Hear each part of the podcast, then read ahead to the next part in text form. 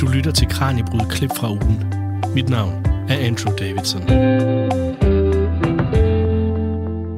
Velkommen til Kranjebrud klip fra ugen. Mit navn er Andrew Davidson, og jeg er din vært de næste 55 minutter, hvor vi skal dykke ned i ugens løb i Kranjebruds universet.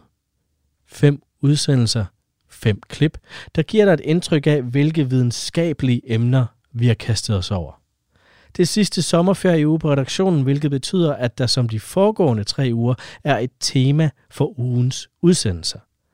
Hvor vi i tidligere uger har rejst land og rige rundt, befundet os i dyreriget eller taget litterære og historiske afstikker til europæiske naboer, ja, så skal vi udelukkende opholde os i vores helt egen hovedstad, København. For med titlen som hovedstad, så følger selvfølgelig også en hel masse spændende historie.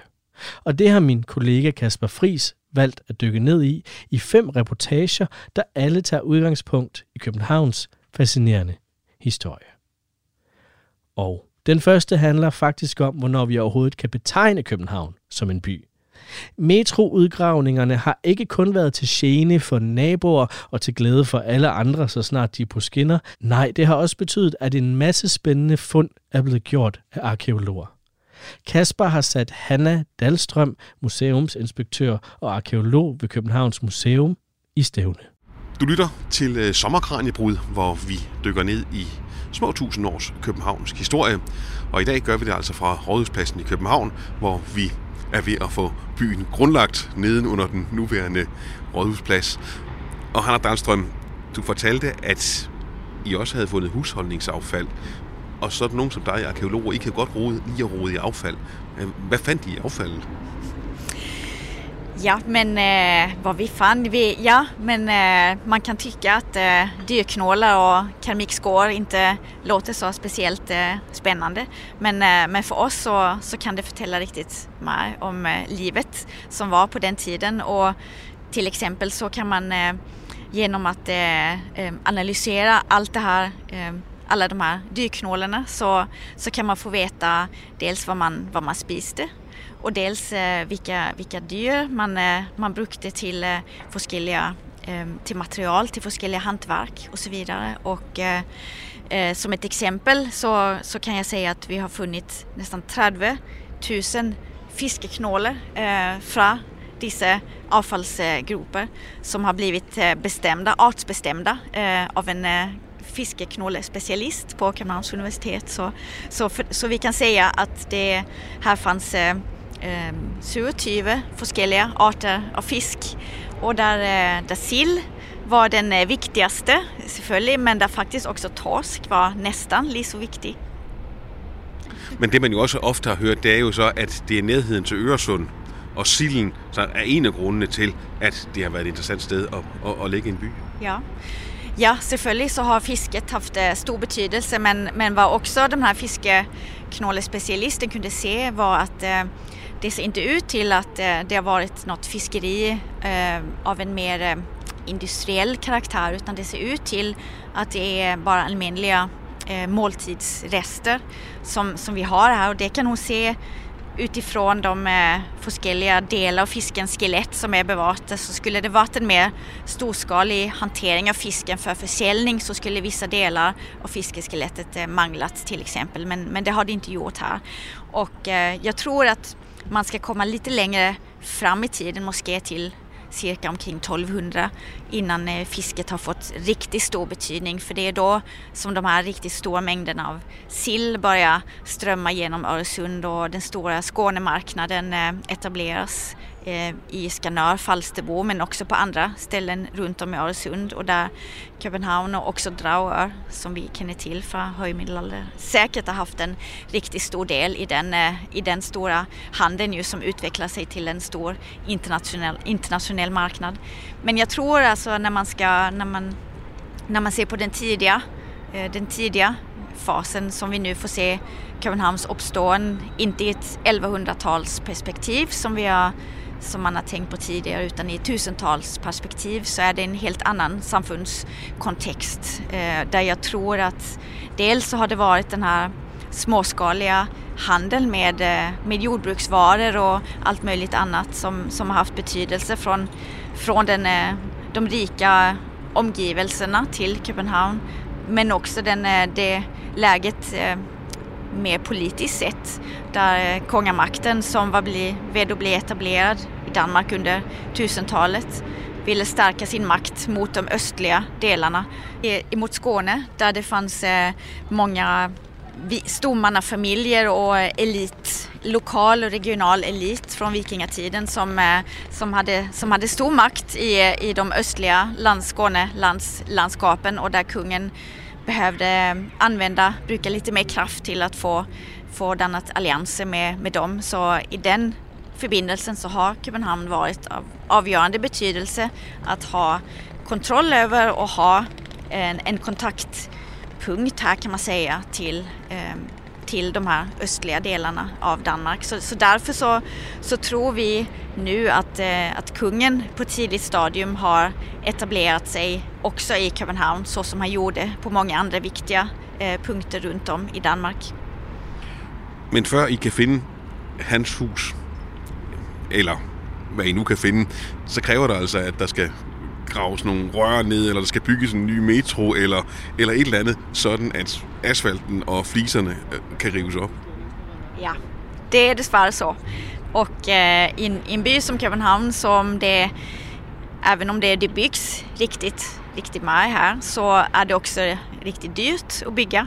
Och øh, eh, det är inte så att det så titt blir byggt i de områdena där vi gärna vill skulle vilja komma ner och gräva. Och eh, när det blir så, så är det väldigt små, små områden, moské och alla så, annars så, så väljer man att bygga på, på andra vis eller på andra städer runt om i byn. Så, men men det, det sker emellan att, eh, att vi får chansen och så det räknar jag med att det blir också i framtiden. Du nævnte indledningsvis, at I så mener, at København, de her spor, I har fundet fra København, det er tilbage fra 1020 til 1050. Men hvorfor kan I ikke være mere præcise? Har I ikke de her kulstof 14 metoder, der kan, hvor I nærmest kan sige, den her fiskerest, den er så og så gammel? Ja, så faktisk er det kulstof 14 dateringerne, som faktisk har snävat ind de breda dateringarna eh, till just det här tidsspannet 1020 till 1050.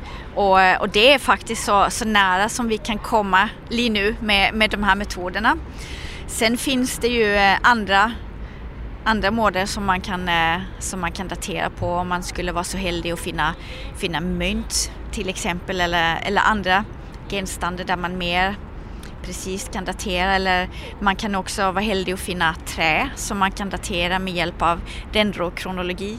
Men eh, trä är någonting vi väldigt sällan finner i jorden i Köpenhamn för det, det är för det mesta om man inte är nere i, i vallgrava och den typen som är väldigt organiskt så, så är det väldigt torrt under. Eh, här, eh, där, speciellt där, där det stått många byggningar över vartannat så, så trä är inte så gott bevarat för tidig middelalder för det mesta, dessvärre. Kan man nogen som helst steder her på Rådhuspladsen se, altså at her lå noget, der minder om Københavns vugge? Det kan man faktiskt inte, slet ikke. Dessvärre.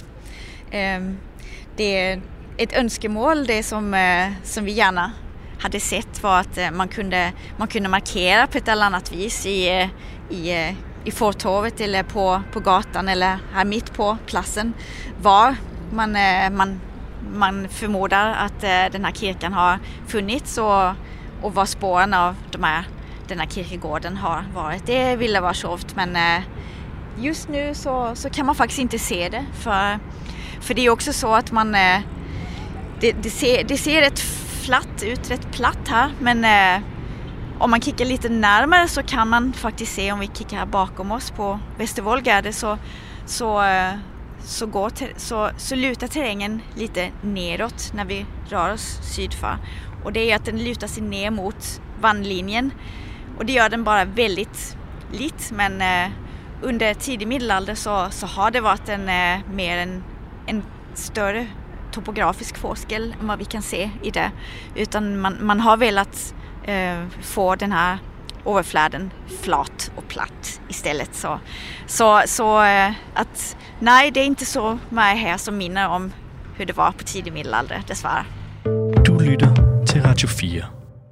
Mit navn er Andrew Davidson, jeg er vikar på Klip fra ugen, men når jeg ikke er det, så er jeg en del af Kranjebryds søsterprogram, Vildspor, der handler om den vilde natur, primært i Danmark. Og en ting, der har forundret mig meget, når jeg har været på reportager, det er visse biologers fascination af fækalier. Afføring. Lort, simpelthen. Men efter flere lorteture er jeg blevet klogere på, hvilket liv, hvilket univers, der kan findes i sådan en helt frisk kokasse. Yderst fascinerende. Derfor er det ingen overraskelse for mig, at Kasper Fris i sin optrævling af 1000 års københavnsk historie er stødt på arkeologer, der finder lige så meget glæde i lort, som biologerne gør. For en arkeolog kan det betyde, at her har der for flere hundrede år siden været liv og glade dage. Vivi Lena Andersen, arkeolog og leder af formidlingsafdelingen ved Københavns Museum, fortæller. Hvis vi skal starte fra, fra en helt fra enden af, øh, så øh, skal vi gå tilbage til 1238, hvor Gråbrødre Kloster bliver til. Og det er jo nemlig en af de her kirkelige institutioner, som, som kommer til. Så det er simpelthen byens første, og også i flere hundrede år, også eneste kloster. Og det ble, bliver et rigtig, rigtig stort kloster. Det er grevinde Ingerd af Regenstein, som giver de her gråbrødre munke grunden her i byen. Og hun var ikke hvem som helst. Hun var øh, i familie med den hedengangne Absalon, nemlig øh, hvide, øh, hvideslægten, som var en af øh, en meget, meget magtfuld slægt øh, på, på Sjælland. Og de sætter sig i den grad også deres spor her i København. Ikke bare i, i form af en lang række af biskopper, som er byherrer i byen, men altså også af, af sådan en som grevinde Ingegerd. Hun øh, giver jo øh, af sit gode hjerte grunden her i øh, København til, til de her gråbrødre munke. Og det er, de tigger munke, og de øh, kommer jo hertil med, med ingenting, og de skal også leve af ingenting. Hvor kommer de fra? Jamen, øh, de kommer formentlig sydfra. Og det er en, øh, en, en, en orden, som øh, stammer fra den hellige Frans af Assisi. Og det er også der, hvor Clarissa-ordenen stammer fra, som er søsterordenen øh, til de her gråbrødre munke. Så de er formentlig kommet op igennem øh, Tyskland øh, herfra, og, ja, og her til, til København. Og de starter jo altså som sagt med, med ingenting og får den her grund, og så bliver der ellers øh, samlet ind. Øh, de tækker sig til alt. Så de tækker sig altså også til, at øh, den her, det her klosterbyggeri, det kan finde sted. Og når de kan tække sig noget, så må det jo også tyde på, at så har der været penge i omløb. Lige præcis. Det er, altså, er man tiggermunk og placerer sig i en by, så skal der også være penge at hente. Eller der skal være øh, ressourcer at hente. Der skal være folk, som er villige til at, at give. Og, og det, det, det, det, det betyder også, at øh, når de lige præcis vælger at bosætte sig her i København, så er det også tegn på, at der er en by af betydning og indbyggere af betydning. Altså i dag så ser torvet jo sådan ud, at det er sådan, hvad skal vi kalde det, øh, lidt strygejernsformet, og inde i midten der står der sådan et kæmpe stort, flot træ. Øh, hvor begynder de at bygge deres kloster? Jamen, de har faktisk brugt hele den her grund, også alle de huse, vi ser omkring torvet har, altså kigger vi under dem, jamen så har der også været levn fra, øh, fra klosterbyggeriet derunder. Og grunden, øh, eller hvis vi kigger eksempelvis over på den anden side af torvet, hvor vi lige sidder nu over til Peter Okse restauranten, der går man ned i det, der nu er kælder den dag i dag, jamen så er der faktisk nogle af de få spor efter murværk fra klosteret derovre. Så vi skal altså sådan ned under jorden og helt ind bagved for at se de få spor, der er bevaret den dag i dag. Men faktisk der, hvor, øh, hvor vi sidder lige nu, ude på torvet på, på nordsiden, der, øh, der har der altså været gravet før i tiden. Og det betyder også, at vi ved, hvad der ligger nedenunder vores fødder, og dermed også, hvordan det her torv har set ud dengang munkene boede her det er jo ikke så nemt for jer at komme ned i jorden her, for der er jo altså brosten på. Altså, hvornår har I haft lejlighed til at kigge ned, og hvad, og hvad fandt I? Tilbage i starten af nullerne, der øh, blev den her restaurant, vi sidder ved, den skulle, øh, den skulle etableres. Og det betyder også, at man gerne ville bruge kælderen noget bedre. Så man skulle altså grave ned i bunden for at udvide lofthøjden. Og når man så graver nedad her på Gråbrødre så ved man godt, hvad der venter. Så, så venter der nemlig spor af middelalderens øh, kloster her. Og ganske rigtigt. Da de øh, graver ned i kælderen herinde, der øh, støder vi på den ene side af koret til klosterkirken. Selveste klosterkirken. Intet mindre. Og nord for den, lige nord for den, op af kirkemuren, der kommer gravene. Og det er jo sådan i middelalderen, jo tættere på kirken du ligger, jo, øh, jo, jo finere var det. Og man, man kunne nærmest sige, at når også det regnede, så, øh, så faldt den, den hellige, det hellige vand også ned på din grav, når du lå så tæt på kirkens mure som muligt. Så det var der stor prestige i. Og, øh, men ellers, øh, jo længere nordpå vi, vi gravede, jo, jo flere grave kom der. Vi nåede op på 68 grave, bare lige herinde, øh, hvor vi sidder nu. Og det var, det var børn, voksne, mænd, kvinder. For det var sådan, det var jo ikke kun munkene selv, der lå sig begrave på deres egen kirkegård. Det var jo høj grad øh, borgere i byen, som betalte sig til at få en gravplads her.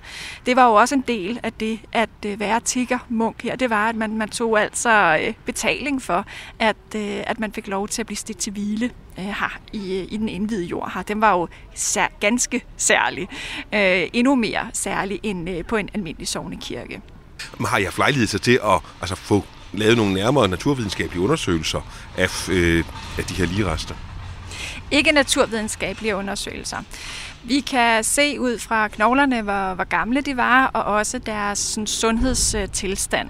Og vi kan også godt se, at øh, nogle af, af dem, der er blevet gravlagt herinde, altså de har jo også haft øh, et, et hårdt liv. Og øh, de har, øh, eksempelvis så fandt vi en grav, hvor øh, en, øh, en mand havde øh, sin øh, højre arm i en, øh, en, en permanent vinkelret øh, position, fordi at hans øh, albue har været så gigtpræget, at han simpelthen ikke kunne rette armen ud. Altså, så han har, har gået øh, med, med sin arm i sådan en, en, en, man skal forestille sig, at han har gået med armen i en sådan permanent slynge, uden slynge, så, så man ikke kunne rette armen ud på grund af gigt. Og vi kan også se på deres øh, tænder, øh, at, øh, at nogle har jo levet ganske godt. Det er jo det er sådan lidt, lidt, lidt sjov i, at øh, nogle gange så jo dårligere tænderne er, jo mere paradentosepræget de er, og jo mere tandsten der er, jo, øh, jo, jo mere velhavende har de formentlig været, fordi de har spist meget sødt.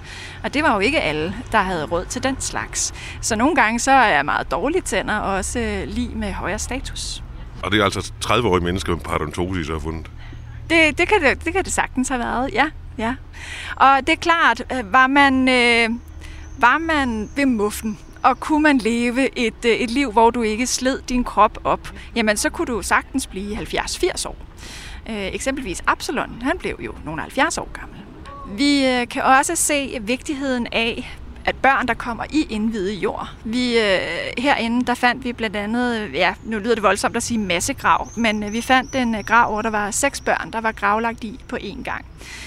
Og vi fandt også voksengrave, hvor øh, meget små børn var blevet lagt ned i sammen med den voksne, men hvor deres relation ikke er særlig tydelig. Eksempelvis så fandt vi en begravelse af en mand, som øh, lå med, øh, med armene krydset øh, hen over sin brystkasse, som om han krammede noget, der lå på hans bryst. Og det gjorde han også, for da vi øh, fik gravet ned under hans arme, så øh, kunne vi se, der lå knoglerne af et lille spædbarn. Og så er spørgsmålet så, om, øh, om de her har, øh, har, har kendt hinanden, eller om det simpelthen, som man, øh, man gjorde, var en mulighed for at få gravlagt sit øh, måske dødfødte barn i indvidet jord på, på fornem vis her på Gråbrødrenes Kirkegård når der alligevel måske en, øh, en bekendt, der, der også skulle gravlægges samtidig med. Så det er ikke nødvendigvis fordi, at de er altså, gået bort ved samme lejlighed, eller har været nært beslægtet. Men Så kan man få en slags rabat det er måske lidt øh, groft at sige, men øh, det, var, det var i hvert fald vigtigt for, for, for forældrene, at, øh, at også de helt små, de, de kom i indvidet jord. For det var jo sådan, at hvis man ikke var nået at blive døbt, så, så måtte man faktisk ikke komme i indvidet jord. Så, så det var utrolig vigtigt at blive, blive døbt øh, så tidligt som muligt, men øh, stod man med, med et barn, der var dødfødt, jamen hvad gjorde man så? Så gjorde man jo alt for at få, øh, få sit barn ned i den rigtige jord. Du nævnte så, at altså, I har fundet Klosterkirkens kor. Kan I også ud fra det så afgøre, hvor den så præcis har ligget? Ja, det kan vi faktisk.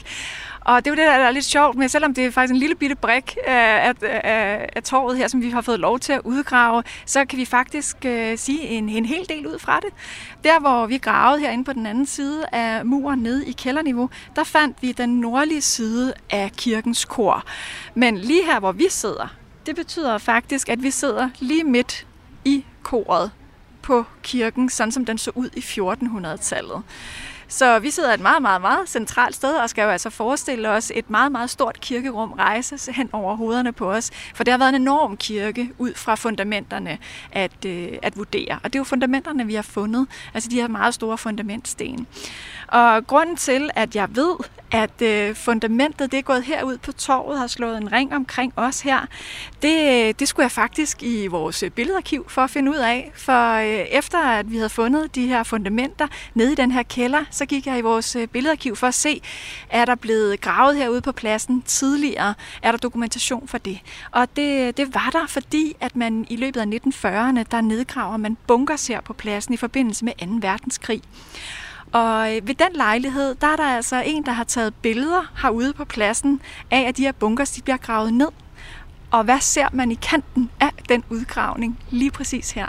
de samme fundamentsten, som vi havde fundet inde i kælderen herinde. Så jeg kunne simpelthen lave en plantegning og tegne det her kor op, så, øh, så vi kender omfanget og også placeringen af det.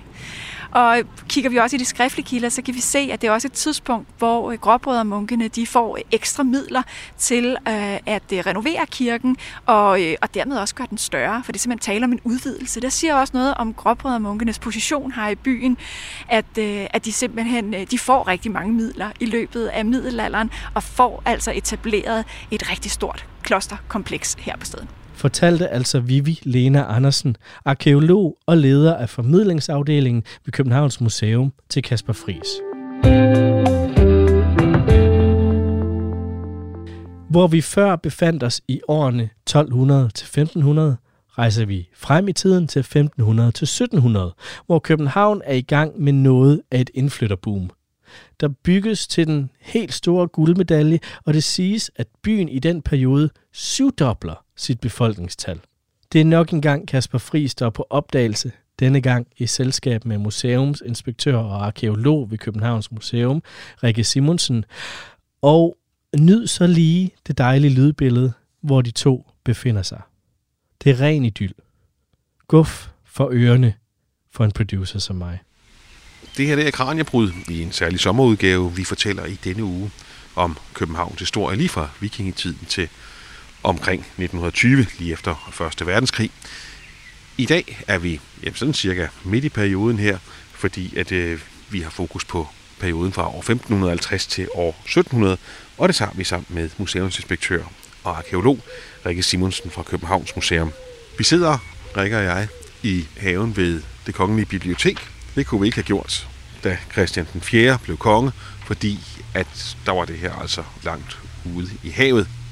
Det laver Christian 4 om på, blandt mange andre ting, som han laver om. Hvad er det, han laver her i, i den smukke have? Altså her, hvor vi sidder, det er Christian 4's gamle krigshavn. Han øh, anlægger en, en stor havn uden for slottet øh, og bygger nogle kæmpe magasiner. Et til alt øh, krigstøjet, tøjhuset, som man kalder det, øh, hvor der var kanoner og håndvåben, og så er der et kæmpe loft på tre etager, og der havde øh, hans krigsskibe hver et rum, hvor øh, man kunne opbevare deres sejl og ræb og så videre. Overfor, på den anden side af havnen, så anlagde han et kæmpe provianthus, hvor der var øh, proviant til, til skibene, så når de sejlede ind i, i havnen, så kunne de blive forsynet med alt muligt til deres togter, øh, og i øvrigt også proviant til, til slottet og til skibsværftet. Og den her krigshavn, og de her store, prægtige huse, som stadigvæk ligger her i dag, det var altså blot nogle af de ting, som Christian den 4. han ligesom efterfølgende kan prale af, og vi, som vi ser tilbage på, som, som nogle af hans fortjenester. Hvorfor bliver det Christian den 4., som bygger så meget, som vi i dag sætter pris på? Det er skyldes selvfølgelig hans personlighed, og det skyldes tiden, øh, og det skyldes hans økonomi. Han står et sted, hvor han ser, at øh, for at få endnu mere gang i hjulene, for at få endnu mere velstand, så bliver han nødt til at investere stort i handlen, og også i, i flåden for at opretholde den magt, han har og som riget har. Og når du så siger handel, floden har vi allerede talt lidt om med krigshavnen her, men handelen det foregår jo altså så lige om på den anden side af provianthuset, for derom der ligger børsen, som vi har omtalt tidligere i programmet som Danmarks første shopping mall. Hvad er det for, et, for, for en bygning, og hvad, hvad, er det, hvad er formålet med den? Jamen, det var simpelthen et, øh, et indendørs øh, indkøbscenter. Umiddelbart inden, der har Christian den 4. begyndt at søsætte kompanier, som sejler til Vestindien og Ostindien, øh, og de kommer hjem med de her meget eksotiske varer, som de så skal sælge på børsen. Øh, så det er simpelthen for at understøtte handlen øh, og skabe en bedre økonomi og fremgang. Men nu ligger børsen jo altså lige midt imellem to sådan halvtrafikerede veje i dag. Det gjorde den så ikke dengang, eller hvad? Nej, det gjorde den ikke. Han var en meget praktisk mand, og det er børsen egentlig også udtryk for. Inden han anlægger børsen, så har han anlagt Christianshavn, som var en ny by. Øh, egentlig oprindeligt var hans tanke, at han, øh, jo, der manglede boliger til søfolkene, både dem, der arbejdede på skibene og til alle dem på skibsværftet. Samtidig så manglede der også en befæstning uden for en slottet. Han har faktisk fået moderniseret øh, befæstningen hele vejen rundt øh, om byen ind, ind mod land, men den lå fuldstændig åben mod vand. Så det han øh, finder på, er, at han så vil øh, anlægge en, en ø ude i vandet, som er befæstet, og som så skal indeholde boliger til hans søfolk, øh, fordi så er det, jo, det er jo tæt på arbejdspladsen. Og han får bestilt en, en plan. Der bliver plads til godt 1000 boliger eller boder til de her søfolk. Men meget hurtigt så ombestemmer han sig, og nu bestiller han så en, en plan til købmændene, hvor der skal være plads til store købmandsgårde, pakhuse, og der bliver så plads til 70 grunde, i stedet for at det bliver taget til Christianshavn. Der bliver også en masse kajpladser. Han anlægger en kanal igennem Christianshavn, og ude ved vandet bliver der også lagt øh, bådebroer, hvor man kan lægge til. Men hvilken betydning har det så for børsen, at de får bolig derude? Jamen det er fordi, man skal jo kunne komme over til Christianshavn på en eller anden måde. Så han gør, at han bygger en dæmning ud i vandet fra Slotsholmen. Sådan, så de kan bygge en bro fra dæmningen og over til Christianshavn. Øh, og det tænker man jo ikke på i dag, men, men det har været måske noget af en bedrift dengang. Faktisk så bliver den kaldt Langebro. Så det understreger ligesom, at øh, det var jo noget særligt, at, at, at, øh, at man skulle bygge den her lange bro hele vejen fra dæmningen og over til Christianshavn. Og så har han den her dæmning, jo, hvor der er noget ledig plads, øh, og der kan han jo så passende opføre børsen, som er det her indendørs indkøbscenter, øh, og samtidig så bliver det også et varetegn for Københavns Handel. Og området så fuldstændig anderledes ud dengang, som du, som du selv nævnte. Alt var vand. Så det var først, man så, når man kom sejlende ind, det var nu børsen, øh, som, som modtog en, og som ligesom udtrykte af København som handelsby. Yderligere så kunne man også lægge til ved børsen. Der blev dels lå det jo ud i vandet, men så blev der gravet ned, sådan så skibene de kunne sejle ind på begge sider af børsen, hvor der i dag er gader. Der kunne skibene altså sejle ind øh, og losse deres varer af. Og så kunne de lige trille dem ind i den underste etage i parkrummene i, øh, i børsbygningen. Så det var også lidt for at prale at bygge sådan et flot byggeri derude? Ja, det var det helt sikkert. Det var jo, det var jo en stor del af renaissancekongernes drive. Det var nemlig øh, pragt og pral. Ja. Men hvad så med de stakkels søfolk, som skulle have boet på Christianshavn? Hvad gjorde han med dem? Ja, han glemte dem jo ikke fuldstændig. Øh, der gik nogle år, men øh, så anlagde han, begyndte han at anlægge en ny by, Sankt Anna by, øh, nord for den gamle København. Og det skulle også være en, øh, en ideal by efter renaissancens målestok, med en kæmpestor våbenplads midt i byen og lige gader, som førte ud til ny befæstning, som han så også anlagde.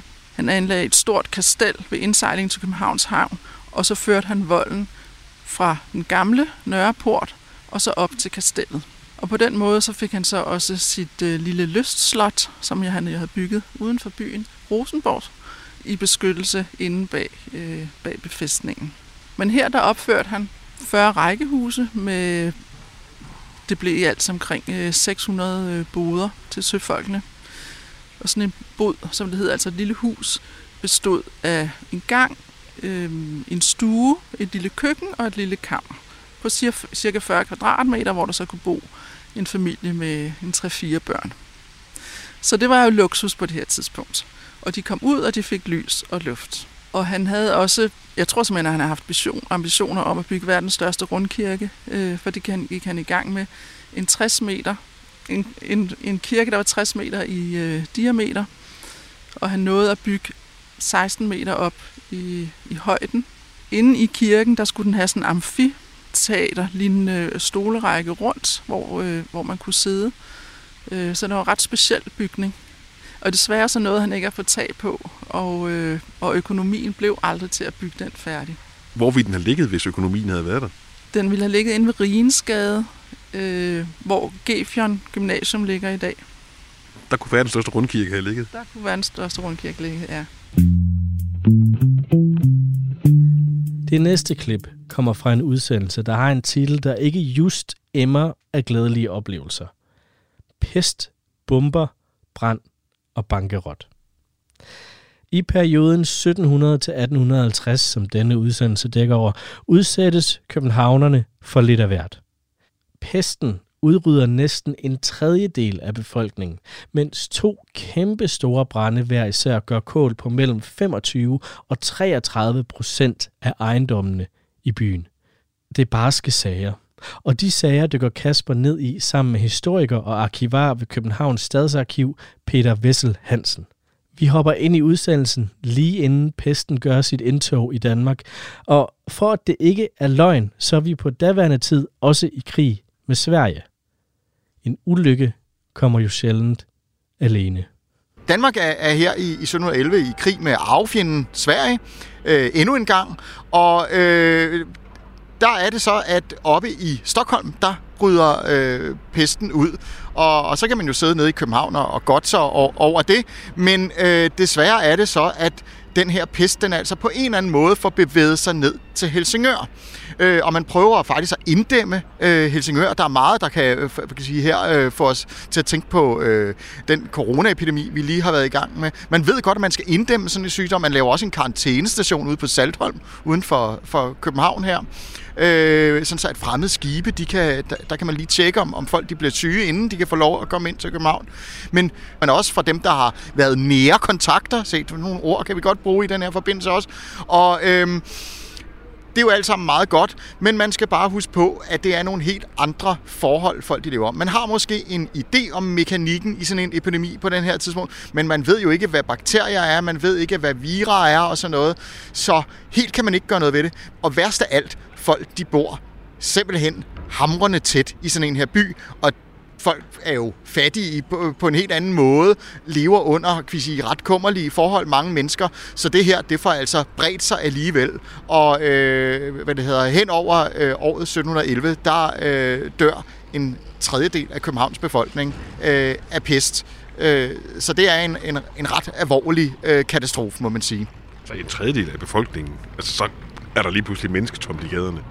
Det er der jo, øh, og man må forestille sig, at efter sådan en epidemi, jamen der er der folk, der er blevet efterladt, øh, altså børn, der har været forældreløse, øh, kvinder, og kvinder var på det her tidspunkt altså meget afhængige af, af kan sige, der, deres øh, mænd, øh, fordi de havde meget, meget dårlige muligheder for selv at, at kan sige, være erhvervsdrivende der var visse muligheder. Øh, så der er også kvinder, der har manglet deres forsørgere. Øh, så der er altså nogen, der er, kan man sige, er overlevet, men alligevel er endt i fattigdom. Omvendt, så kan man også forestille sig, jamen der er en tredjedel af byens lejligheder, der står tomme. Der er så og så mange, der er øh, kan sige, øh, øh, handlende og, og, og andre håndværkere, der er døde. Og det har jo selvfølgelig skabt, skabt plads for andre. Huslejen er faldet. Øh, så, så der har også været et element af den ene stød, den andens brød. Så byen går ikke sådan fuldstændig i stå og bankerot på det tidspunkt? Det har jo ikke været godt, det her. Altså, det, det, og, og, og der er jo noget, der har, har, har skulle, skulle oparbejdes igen, øh, og, og at byen har skulle komme. Der, der, har, jo, der har jo manglet nogle, nogle mennesker. Så, så, så, så lad os nu ikke gøre det til en, til en, til en god historie. Øh, og, og man, men man kan se, at, at, at byen sådan øh, stille og roligt i, i de følgende måske årtier, men i hvert fald årti, øh, stille og roligt kommer sig, og at øh, befolkningen relativt hurtigt faktisk øh, kommer op på det niveau, det var øh, inden pesten. Nu har vi allerede indledningen fortalt, at der kommer altså flere hug undervejs, og vi skal ikke ret lang tid frem, så kommer det næste drøn. Ja, altså i hvert fald når vi ser det på, på, på 300 års afstand, ikke så lang tid. Men det er jo i, i 1728, øh, ja, der starter der en brand. Egentlig heller ikke så langt fra, hvor vi sidder heroppe i nærheden af, af den nuværende rådhusplads, altså lige inden, inden for voldene. Øh, der, der starter en brand øh, om efteråret i, i oktober måned, og der øh, er en god, kraftig vind den dag, og det er ikke så godt, når man samtidig skal forestille sig, at langt det meste af langt de fleste af husene på det her tidspunkt, det var bindingsværkshuse, det var stråtægte bygninger, øh, altså til forskel fra i dag, hvor det meste jo trods alt er bygget i, i, i mursten, og det betyder, at den her brand, den kan brede sig rigtig, rigtig hurtigt. Øh, og øh, samtidig er der en hel del ting, der går galt. For eksempel så vil portvagtene, øh, altså en militær portvagt, ikke åbne portene, fordi at kommandanten han har sagt, at, øh, at man skal ikke gå der, øh, man må ikke komme ud af byen. Og det er jo altså der, man skal ud i voldgraven og hente vand der løber også historier om, at, at øh, hvad det hedder, brandvæsenet, de er fordrukne, de har været på en anden brandøvelse og er fordrukne, og flere forskellige andre, hvor man tænker sådan, hold da op. Men altså, vi er også tilbage i en tid, hvor at øhm, byråkratiet og hele kan sige, systemet, øh, det er ikke helt så, så velsmurt og veludviklet så, som i dag. Øh, men, men selvfølgelig er det, er det nogle forfærdelige fejl, der bliver øh, begået. Øh, øh, men, men, men efterhånden så får man altså prøvet at, at, at, at bekæmpe den her brand, men man har ret dårlige midler. Man prøver også øh, simpelthen at sprænge nogle huse væk, og simpelthen for at, ligesom at få lavet nogle, nogle steder, hvor branden ikke kan sprede sig. Øh, men, men et par gange, der gør det faktisk det hele værre, øh, i selvom at det, det, det formentlig er egentlig er et meget fornuftigt forsøg.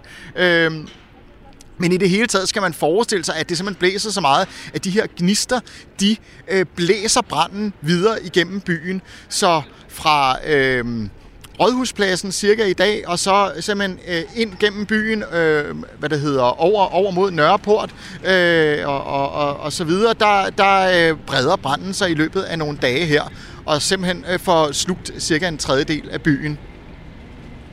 Men det vil altså sige, at i 1711, der mister byen en tredjedel af befolkningen, og i 1728, så mister den cirka en tredjedel af øh, ejendomsmassen. Ja, det må man sige, sådan i runde tal. Øh, altså, øh, byen er, øh, er, er efter den her brand afbrændt op fra cirka Rådhuspladsen til Kongens Have, øh, og så her til Nytorv, hvor vi sidder, og et, et lille stykke længere øh, et enkelt sted.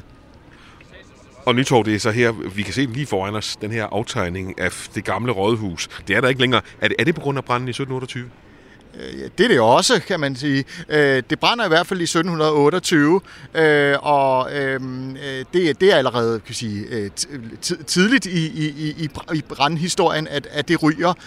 Og i øvrigt kan jeg jo som arkivar på Københavns Stadsarkiv fortælle, at også en del af byens arkivalier, og det vil sige øh, vores historiske viden om 1600-tallets København, så øh, det faktisk forsvinder ved den lejlighed, og har gjort det besværligt for historikerne at fortælle øh, den tidligere historie. Så den går også ondt på dig stadigvæk? Det gør den, helt bestemt, og på 1600-tals historikerne. Hvor mange mennesker kommer der til skade? Altså, får de lov at slippe ud på et tidspunkt øh, af de her porte, som er, egentlig er, er lukket af?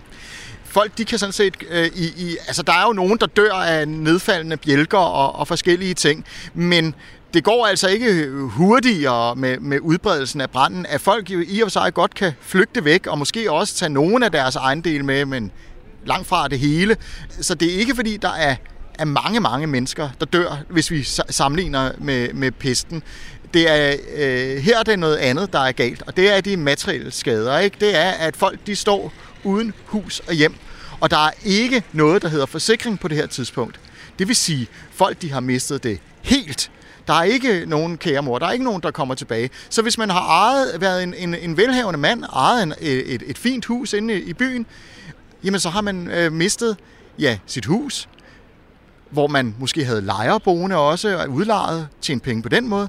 Man har også mistet sit værksted, hvis man er håndværker. Øh, så øh, man, man, man, folk, folk der, der, der, havde, måske havde det rigtig fint øh, inden branden, øh, de, de, har, de kan være altså, simpelthen øh, fattige og kan sige, øh, og eje en brandtomt, øh, som de ikke har penge til at bebygge. Og øh, ja, de fattige, de er så kan vi sige, bare endnu fattigere, end de plejede at være. Jeg ved sikkert, om det kan være en trøst for de mennesker der, men det viser sig jo faktisk, at den periode, de er så i omkring 1728, der er jo for en gang skyld fred. Vi slås et kort øjeblik ikke mod svenskerne, vi slås ikke mod ja, nogle andre folkeslag. Og den fred, den var længe, og det er vel godt for byen. Jamen, det er det helt bestemt. Øh, hvis, hvis vi ser lidt, lidt længere op i, i, i 1700-tallet, øh, der, der kan vi sige, øh, det tager en hel del år, før at, at København bliver, bliver genopbygget. Og der er mange, der ikke, øh, kan sige, folk, der, der har mistet alt, øh, de, de kommer så ikke over det her. Der er simpelthen nye mennesker, der kommer til at købe deres byggegrunde og opbygge husene. Men det er jo rigtigt, at øh, hvad det hedder, øh, den store nordiske krig er slut, og der kommer ikke en ny krig med svenskerne. Det ved man jo ikke på det tidspunkt, men øh, freden den var øh, øh, helt til slutningen af 1700-tallet, og i løbet af den her periode, jamen der øh, vokser handlen yderligere. Det er jo klart, det har gode betingelser, øh, og øh, når, når vi øh, når op i anden halvdel af, af, af, af 1700-tallet, jamen så øh, vokser det rigtig meget, fordi så begynder der at være nogle andre krige, øh, men som Danmark-Norge, øh, som landet jo hedder på det her tidspunkt, ikke er indblandet i. Og den store københavnske handelsflåde, jamen den kan så begynde at sejle varer rundt for de krigsførende magter, de bliver jo angrebet af hinanden, øh, og deres handelsskib bliver angrebet. Men øh, så kan man jo øh, som Københavns købmand øh, sejle varerne rundt og tjene øh, stort på det. Øh, så det bliver øh, det, man jo øh, øh i, i den almindelige historieskrivning kalder den florissante, den blomstrende handelsperiode. Vi er ved at være ved vejs ende på flere måder. Et på dette afsnit af Kranjebrud, klip fra ugen, som du lytter til lige nu. Jeg hedder Jøvet Andrew Davidson. 2. Det er også ved at være enden på min vikarchans, men frygt dig, du kan høre mere til mig i Kranjebryds søsterprogram Vildspor. 3. Det er også ved at være enden på Kaspers serie om Københavns historie. 4. Og sidst, men ikke mindst, så er det snart slut med temaugerne, for i morgen der vender Kranjebrud tilbage til sine vante rammer. Men vi har lige et klip mere. Kasper ser nærmere på den skældsættende begivenhed i København, hvor der bliver givet tilladelse til at bygge uden for de store fæstningsvolde, der førhen har beskyttet mod uvedkommende. Det betyder, at København lige pludselig bliver endnu større, og et af byens mest populære og kendte områder, Nørrebro, begynder at tage form. Kasper befinder sig på Blågårdsplads sammen med Jakob Ingemann Parby, historiker og museumsinspektør ved Københavns Museum. Vi sidder på Blågårdsplads i, i hjertet af Nørrebro nu her. Men hvad var der så på det tidspunkt? Jamen altså lige her, hvor vi sidder, der var jo faktisk øh, øh, en, der hed Mathias Anker Hegård, der havde anlagt, øh, han havde egentlig en isenkrammerforretning inde i, i centrum af byen, øh, og så havde han øh, i løbet af 1800-tallet fundet ud af, at det var kunne være en fordel for ham ikke at skulle importere alle sine varer. Det var sådan øh, støbjernsgryder for eksempel i stor stil, og alt muligt andet husholdningsudstyr. Øh, så han ville gerne lave sin egen lille, øh, lille jernstøberi herude, så han kunne producere støbejernskrydderne selv, i stedet for at importere dem. Øh, og det kunne man godt øh, i datidens økonomiske logik se en, en øh, idé i, så øh, han lykkedes så ligesom at få lov til at, at anlægge et jernstøberi, øh, som i starten jo ikke er en kæmpe skala, men altså, der kan man begynde at lave de her gryder til hans forretning, og det er jo, det er jo et fremskridt. Øh, da så hans sønner overtager, og især den ene af dem ligesom får eneretten ham, der også forvirrende nok hedder Anker, øh, Steffen Peder Anker, i stedet for Mathias Anker, men han, øh, han er sådan lidt mere måske fremtidens mand, og, har, og kan se øh, potentialet i det her nye øh, samfund, øh, hvor man jo for eksempel også i 19, 1857 undskyld, får næringsfrihed, som er en ret vigtig begivenhed i byens historie, for det betyder, at nu skal du ikke længere være en del af et lav, og der er ikke en hel masse sådan interne faglige øh, systemer, du skal forholde dig til. Du kan sådan set som hvem som helst kan i princippet starte en virksomhed op øh, og få næringsbrev til det, og kan begynde at producere, øh, øh, hvis jo man øh, kan finde finansiering til det. Øh, og den, det, det skaber et enormt øh, løft i samfundet, at man, man har den her frihed, øh, og det skaber en masse, mange flere initiativer, end der måske har været typisk under enevælden. Øhm, og, øh, og der er med, øh, den yngre Anker Hegård jo et godt eksempel på det, for han får sådan ligesom udvidet sin virksomhed for øh, begynde at producere øh, til alle mulige øh, øh altså både landbrugsredskaber faktisk, plover og den slags, men også en hel masse andre øh, altså, øh, byinventar, som pissoirer og bænke og alt sådan noget. Øh, og, og selvfølgelig også en hel masse delet øh, jern til maskiner af forskellige arter. Så på den måde bliver både jernstøberierne og også de maskinfabrikker, der faktisk også kommer mange af herude på Nørrebro, de bliver sådan lidt en, en, en, et omdrejningspunkt for industrialiseringen, kan man sige. Øh, det er dem, der producerer simpelthen alle det, de dimser og dele og maskinelementer, øh, øh, som, øh, som skal til for, at andre brancher også kan, kan blive industrialiseret. Øh, og her øh, laver han så sit jernstøberi, men han køber faktisk også Frederiks Værk, som er et stort kanonstøberi, der er grundlagt af klassen, øh, CF-klassen i 1700-tallet, og der, øh, der fortsætter han, der udvider han så ligesom sin virksomhed og, og bliver på den måde en stor industrimand.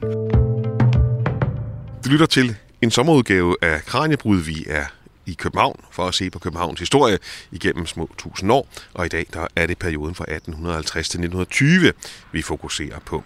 Øh, jeg sidder på øh, Blågårdsplads, Blågårds Plads, omringet af træer, men hvis jeg havde siddet her omkring 1860, ja, så havde det været lige midt i et jernstøberi, familien Hegårds jernstøberi.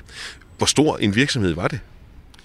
Altså, det var nok en mellemstor virksomhed. Jeg tror, at det, da det går øh, allerbedst øh, her på Nørrebro, der er der vist nok cirka 100 ansatte. Så det, i sammenligning er der jo mange flere ansatte, for eksempel på, på Burmeister Wayne, eller BRV, som de hedder, eller på Carlsberg. Og, så der er nogle endnu større øh, giganter, kan man sige, i den danske industrialisering. Men det er sådan en, en, en solid stor virksomhed, og selvfølgelig i og med, at han han også køber Frederiks Værk, så har han lige pludselig to produktionssteder, og senere hen bliver det hele virksomheden så en del af et endnu større øh, kompleks, altså en aktieselskab. Øh, og det er jo også den vej, det går, kan man sige, gennem hele den her periode, at, at det start, men det, der karakteriserer meget den københavnske industrialisering, og nok også den danske industrialisering, det er jo det her med, at der er relativt mange, som helt går, altså som er nogle, jeg vil lige sige håndværkspræget, men i hvert fald øh, nogle relativt små virksomheder, som så øh, udvikler sig til at blive industrier. Og frem for sådan, at i nogle af i England og Tyskland for eksempel ser man mere rigtig kæmpestore fabrikker og virksomheder, måske nu i høj grad i USA. Øh, så, det, så det er lidt et, et, et karakteristisk her. Men det er en stor virksomhed, og det som øh, han jo så også samtidig gør helt er, at han, han bygger, øh, han, han opkører, ejer jo grundene rundt omkring.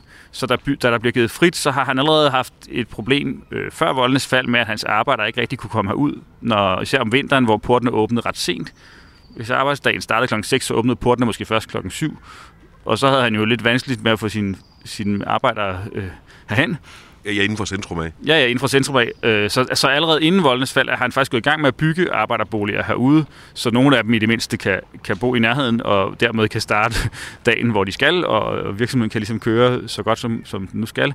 Men han klager også over det her problem med porten til, til borgerrepræsentationen, og på den måde også lidt med til at skubbe på, øh, at der skal ske en forandring. Og senere hen, så, øh, øh, så, så, så begynder han jo, så der så bliver givet fri til så bebygger han jo så simpelthen områderne omkring jernstiberiet med de her ret små lejligheder til arbejdere, som bliver ligesom drevet frem af, blandt andet, at man i den her byggelovgivning, jeg, jeg nævnte tidligere, øh, laver nogle incitamenter til at bygge små lejligheder. Det er jo sådan lidt, kan virkelig lidt ulogisk for os, men altså faktisk bliver det øh, afgiftsfrit hvis, for grundejeren, hvis du har hvis du laver lejligheder, der er under 25 kvadratmeter, eller op til 25 kvadratmeter i indre mål. Så det er lidt større end en 25 kvadratmeters lejlighed i dag, men altså, øh, øh, og senere hen udvider man det til 31,5 kvadratmeter, tror jeg det er. Og det kan jo virke vildt for os, at man tænker, okay, hvorfor lige frem give incitamenter til at bygge lejligheder, der er så små, som også sådan i datiden må have virket små, når man tænker på, at husstandsstørrelsen typisk var større, og mange arbejdere havde flere børn osv. Men det handlede jo i virkeligheden om, at øh, bystyret selv var jo ikke en rig kommune som i dag. Altså, så, så høj var kommuneskatten slet ikke, og man havde ikke ligesom mulighed for på den måde at gå ind og, og påvirke byudviklingen ved at bygge en masse kommunale byggerier, for eksempel.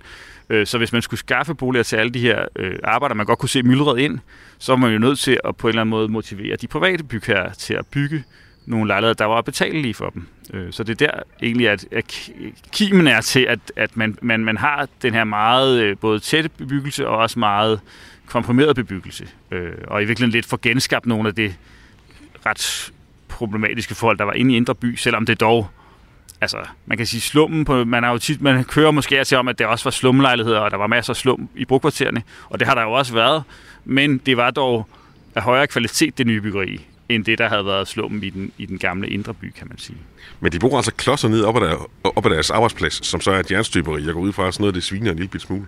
Ja, altså det er jo noget af det, jeg har studeret lidt. Øh, altså dels er der jo, er jo det her med soden og røgen, som øh, gentagende gange bliver påtalt, altså både i, i aviserne og også øh, i erindringer og sådan noget fra tiden. Vi har jo nogle erindringer i Stadsarkivets samling fra man kan sige, hvor dem, der har skrevet dem, har været børn i slutningen af 1800-tallet. Så der kan man få en fornemmelse af, hvordan har det været at leve med de her fabrikker.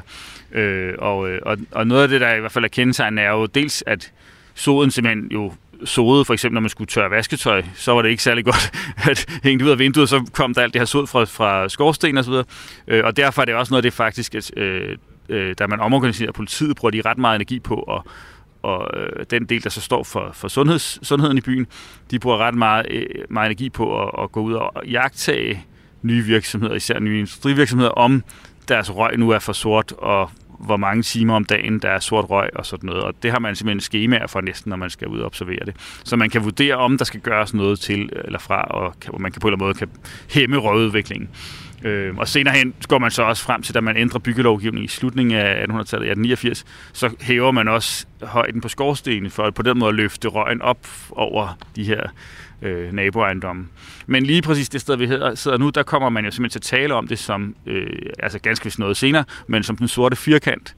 Øh, og øh, der går flere historier om, hvorfor det navn er, øh, opstår, øh, men en af forklaringerne er jo muligvis, at, at på grund af alle de her industrivirksomheder, der er ligget tæt ved beboelsesejendommene, så er, har, har de simpelthen været så sodet til, så de har set, set sorte ud. Øh, en anden forklaring, som er, er lidt mere uhyggelig, den går på, at der var så mange anbringelsessager øh, her i det område, så politiet på et kort havde ligesom så mange sorte nåle i lige præcis det her kvarter, så det var, derfor blev det kaldt den sorte firkant. Men den anden forklaring med, med røgen er jo meget sjov i forhold til, til det, vi snakker om nu.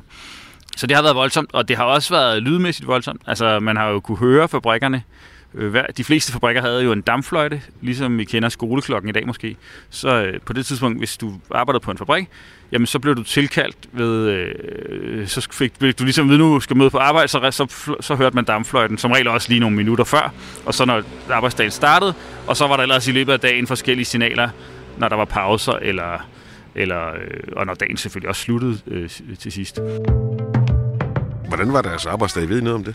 Ja, altså det har jo været... Øh, meget lange arbejdsdage, først og fremmest. Øh, noget af det, som er, er den helt centrale kamp for arbejderbevægelsen, som jo også opstår, og i høj grad får et, en særlig plads her på Nørrebro øh, i løbet af 1800-tallet, det er jo kampen for, for kortere arbejdstid simpelthen. Og selvfølgelig også bedre forhold, men især også kortere arbejdstid, fordi øh, arbejdsdagen typisk i, øh, i 1860'erne, 70'erne er 12 timer. Altså, så man arbejder fra klokken 6 morgen til 6 aften, og nogle gange endda øh, til klokken 7 en andet problem er selvfølgelig også, at med introduktionen af maskiner, så har man ikke... Øh, altså man, man har noget lovgivning til at starte med, men ikke særlig meget, og det gør, at øh, mange af de her tidlige fabrikker, de er udstyret med dampmaskiner, der trækker en, en masse ram, ramme, ram, ramdrevne maskiner længere op igennem en bygning, for eksempel. Øh, og når så... Øh, og når, så, altså, når man står med alle de her remme og med, med kørende maskiner og sådan noget, så er der jo ret stor risiko for, at man øh, øh, kommer ud for en arbejdsulykke. Så, så fokus i, i de fabrikslov, der bliver, trods alt bliver udformet i løbet af 1800-tallet, går jo rigtig meget på det her med, hvordan man både skal lave nogle lydsignaler, så alle ved, hvornår maskinerne starter, og hvornår de, øh, så man ikke pludselig øh, bare står ved en maskine, der begynder, og så får man hugget armen af, eller hvad det kan være. Øh, men øh, også på... Øh, øh, også på, at man skal kunne adskille maskinerne, så det ikke er hele systemet kører på e- et system, men altså det skal, ligesom, hver maskine skal kunne slukkes for sig. Og endelig er, er der så et andet øh, stor udfordring, er jo det her med, med børnearbejde, at rigtig mange af dem, som bliver ansat i industrien, er jo, og det er jo, kan man sige, noget af det nye efter næringsfriheden, at der bliver mange flere børn, der kan blive ansat på fabrikker, der bliver mange flere kvinder faktisk også, der bliver ansat på fabrikker. Øh, og øh, og, og især beskyttelsen af børnene er der fokus på fra, fra myndighedernes side, fordi man kan godt se, at det er svært at passe en skoledag, hvis man også arbejder øh, altså så gik man måske typisk i skole om formiddagen, og så kom man på, arbejde, på fabrikken efter skole, og så skulle man så måske også hjem og hjælpe til derhjemme. Og så var det svært at få lavet lektier og lære rigtig noget, når, når man var så udmattet, som man jo var, hvis man for eksempel var 12 år gammel og skulle igennem hele den, øh, den dag. Øh, men man kender så også til, at det, nogle af de her arbejdsgiver, de, de man kalder det, sådan, de bliver påtager sig sådan en patriarkalsk ansvar på en eller anden måde, så de, de prøver jo lidt, ligesom øh, Hego gør med at lave boliger til sine arbejder, og, og, og sådan, øh, så prøver de også at skabe en særlig loyalitet. Øh, også lidt for at modvirke øh, det, man er meget bange for blandt øh, øh, øh industrifolk og, og hvad hedder det, øh, øh entreprenører, altså øh, socialismens fremtog. Sikke en guided tur, vi efterhånden har været på i løbet af Kasper Frises serie om Københavns historie. Men alting har sin ende.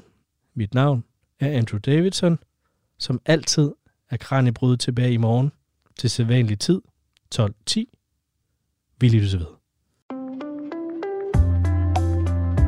Programmet er produceret af Videnslyd for Radio 4.